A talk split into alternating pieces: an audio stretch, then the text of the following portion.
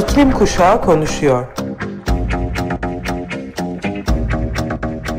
Hazırlayan Atlas Sarrafoğlu.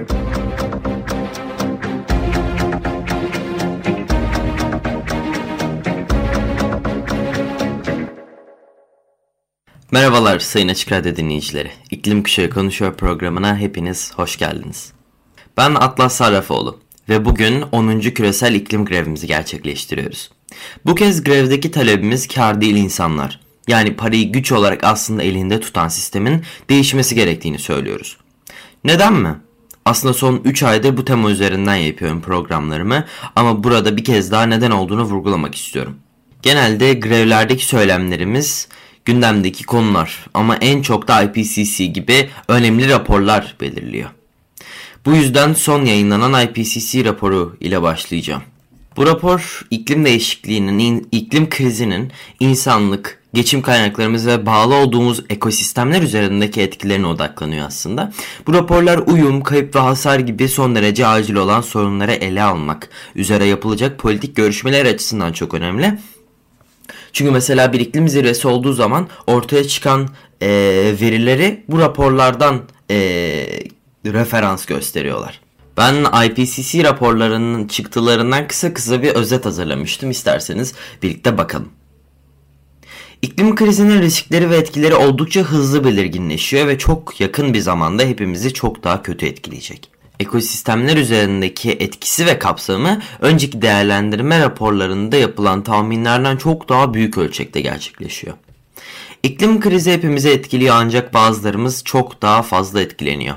2010 ve 2020 arasında Afrika, Güney Asya ve Orta ve Güney Amerika'da ve ada ülkeleri dahil olmak üzere çok hassas bölgelerde sel, kuraklık ve fırtınalardan dolayı dünyanın diğer bölgelerine göre 15 kat daha fazla insanın öldüğü ve bu bölgelerde yaşayan insanların iklim adaletine en çok ihtiyacı olanlar olduğunu ve kırılganlıklarının kabul edilmesi gerekiyor.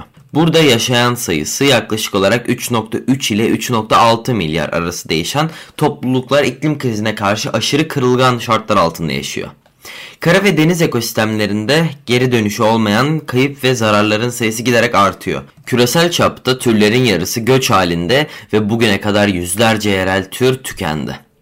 2008 yılından beri başta fırtınalar ve seller olmak üzere aşırı hava olaylarından zarar gören her yıl ortalama 20 milyon insan iç göçe yönelmek zorunda kalıyor.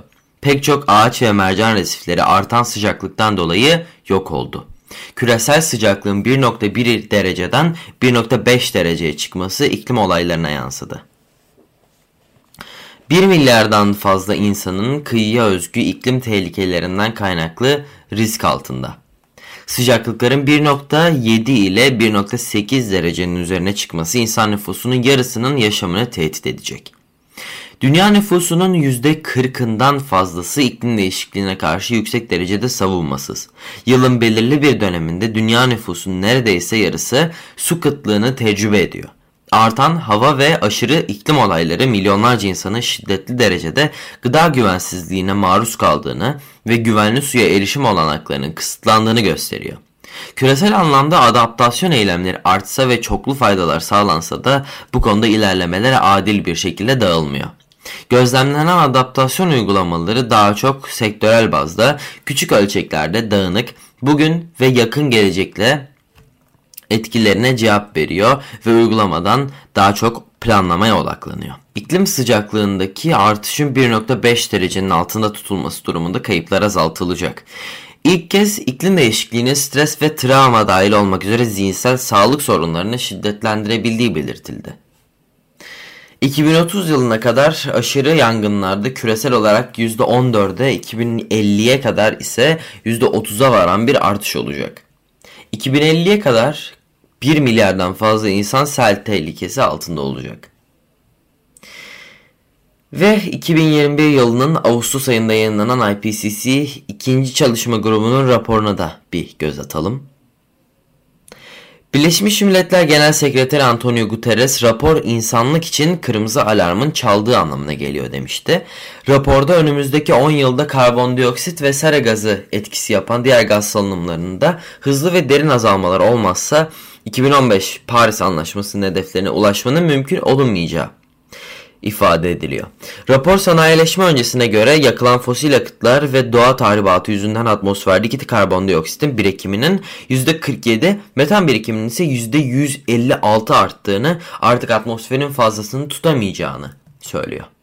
Aynı zamanda okyanuslar, deniz seviyesi ve buzul tabakalarında zaten geri dönüş olmayan değişiklikler olduğu, eskiye dönmenin yüzlerce yıl hatta binlerce yıl alacağı böyle giderse bu üç, e, bu, bu üç alandaki sorunun daha derinleşeceği, bunların da kalıcı olacağını, iklim devrildiği, geri dönülmez noktaya gelindiğini, geçmek üzere olduğumuzu söylüyor.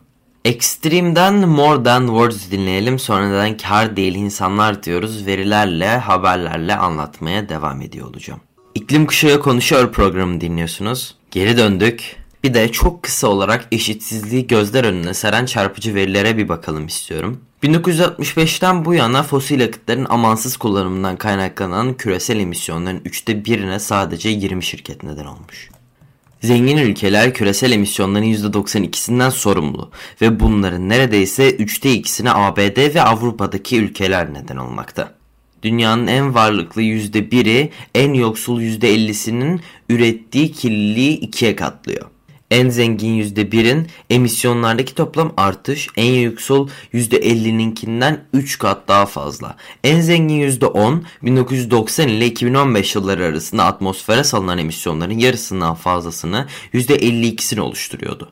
Bu süre zarfında en zengin %10 kalan küresel 1,5 derece karbon bütçemizin 3'te 1'ini tüketirken bu oran nüfusun en yoksul yarısı için sadece %4'tür küresel emisyonların %71'inden sadece 100 şirket sorumlu. Şimdi de iklim açısından son birkaç ay içerisinde gündeme giren e, haberlere bir bakalım.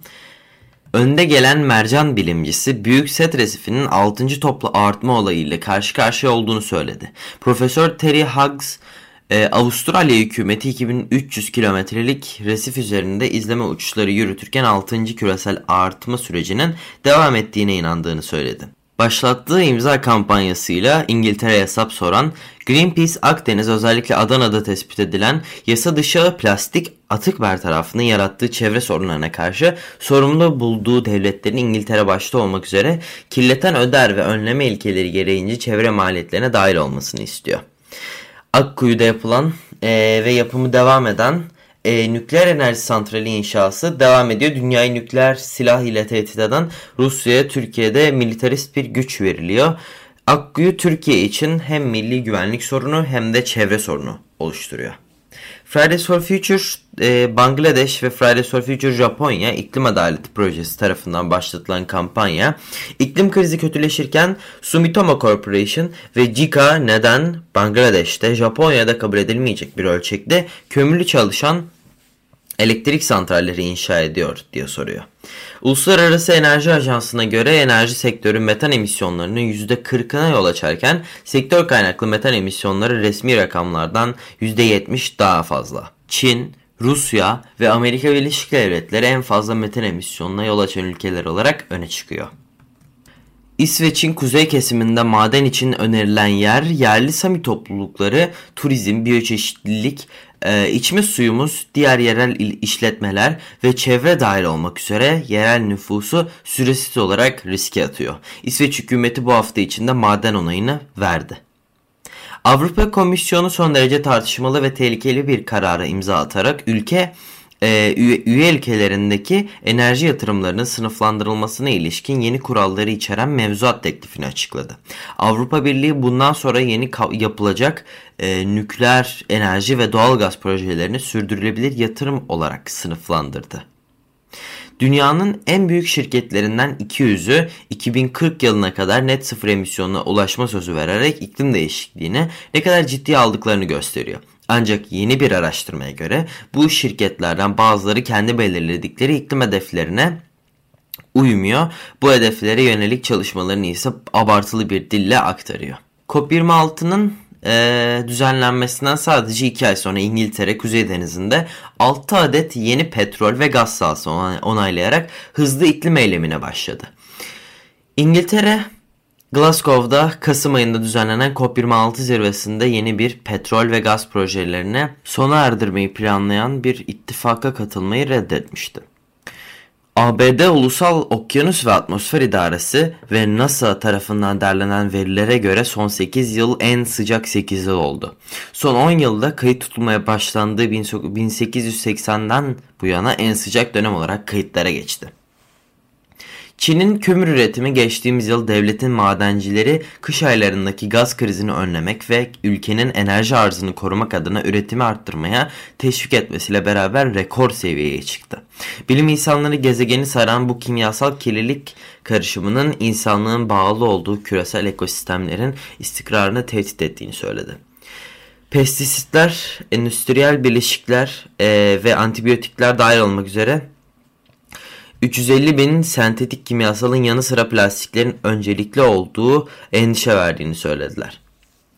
Plastik kirliliği Everest Dağı'nın zirvesinden en derin okyanusa kadar gözlemleniyor ve PBC, PCB'ler gibi bazı toksik kimyasallar uzun ömürlü olup son derece yaygın. Bir çalışma kimyasal kirliliğin bir gezegen için son sınırlarına ulaştığının sonucuna varıyor. Bu noktada dünyada insan yapım değişikliklere bağlı olarak son 10 bin yılın istikrarlı ortamından çok dışında. Barbados'un özgürlüğünü ilanından sonra bu hafta Prens William ve eşi Kate'in eski İngiliz kolonisi Jamaika'ya yaptıkları ziyaretleri sırasında protestocular kölelik için tazminat talep ediyor. Jamaika'nın yanındayız. Sonlara yaklaşıyorum ama tabii ki bu e, bu kadar değil sebeplerimiz. E, kar değil insanlar çünkü bugün hala Kenya, Tanzanya'da Masai kabilesi yerinden ediliyor. Çünkü bugün hala insanlar renkleri, cinsiyetleri, dinleri yüzünden öldürülüyorlar. Çünkü bugün hala Tano yağmur ormanlarının ortasına havalimanı, Uganda'da fillerin göç yolunun ortasına petrol boru attı ve İstanbul'a bir kanal yapılmak isteniyor. Çünkü bugün Tuvalu'daki arkadaşım adasının deniz, deniz yükselmesinden dolayı batmakta olduğunu söylüyor. Öyle 50 maddeyle falan bitecek bir şey değil yani aslında sebepler. Şu anda iklim krizi en çok küresel güneyde tayfunlar, kuraklık, sellerle kendini gösteriyor. Ve bugün e, bölgelerde yaşayan insanlar bu iklim felaketleri karşısında savunmasız kalıyorlar. Sorumlu olan küresel kuzey kayıpları için bir bedel ödemelidir. Küresel iklim zirvelerinde iklim krizinden bahseden emisyon e, kesintilerine gideceklerini söyleyen hükümetlerden hiçbiri şu ana kadar IPCC raporuna veya Paris Anlaşması'na uygun bir olan, uygun olan bir yolda ilerlemiyorlar. E, Paris Anlaşması ısıtmayı 1,5 derece ile sınırlamak ve 2,5 e, ve 2 derece aşmamak üzerine karar veren bir anlaşma. Ama IPCC raporuna göre bu şekilde devam edersek yüzyılın sonunda sanayi devrimi öncesi ısıtmanın 2.7 üzerine çıkacağımız öngörülüyor. Şu anda 1.2 derece e, içindeyiz. Bu durumda bile birçok ülke felaketler ve kayıplar yaşarken 2.7 derece bu halklar için bir ölüm fermanı niteliğinde. Bilim insanları tüm bu gidişatı düzeltmek için çok az zamanımız kaldığını söylüyorlar. Yani taahhüt edilenlerle gerçekler arasında kocaman bir fark var.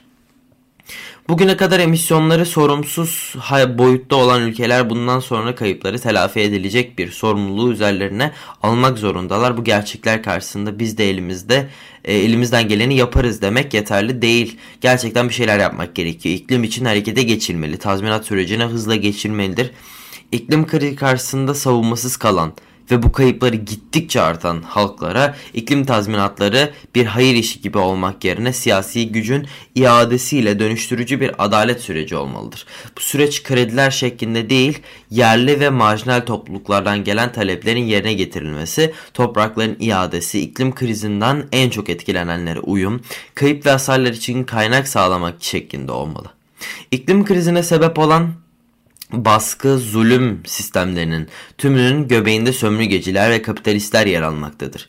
İklim tazminatı aracının kullanılması yoluyla kolonizasyon kökünün kazınması e, en iyi iklim eylemidir aslında e, ve en zengin yüzde bir eylemlerinden ve kasıtlı cehaletlerinden sorumlu tutulmalıdır.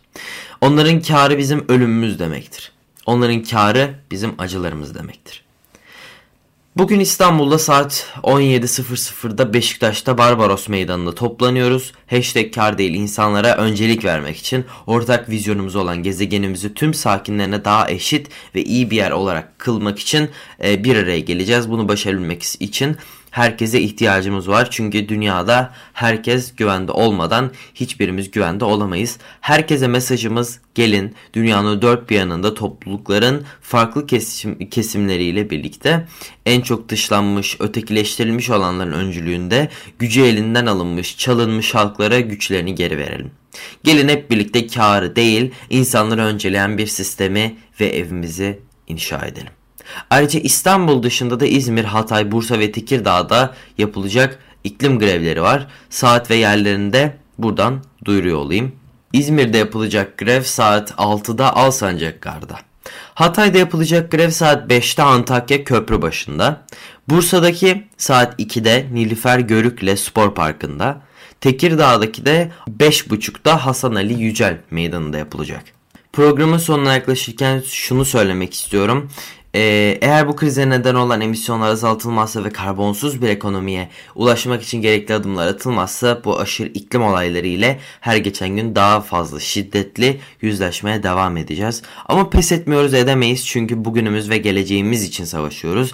Bu yüzden yanımızda olmanıza ihtiyacımız var. Programımı kapatıyorum. Siz de olduğunuz yerden çıkıp bu, bugünkü grevimize gelin.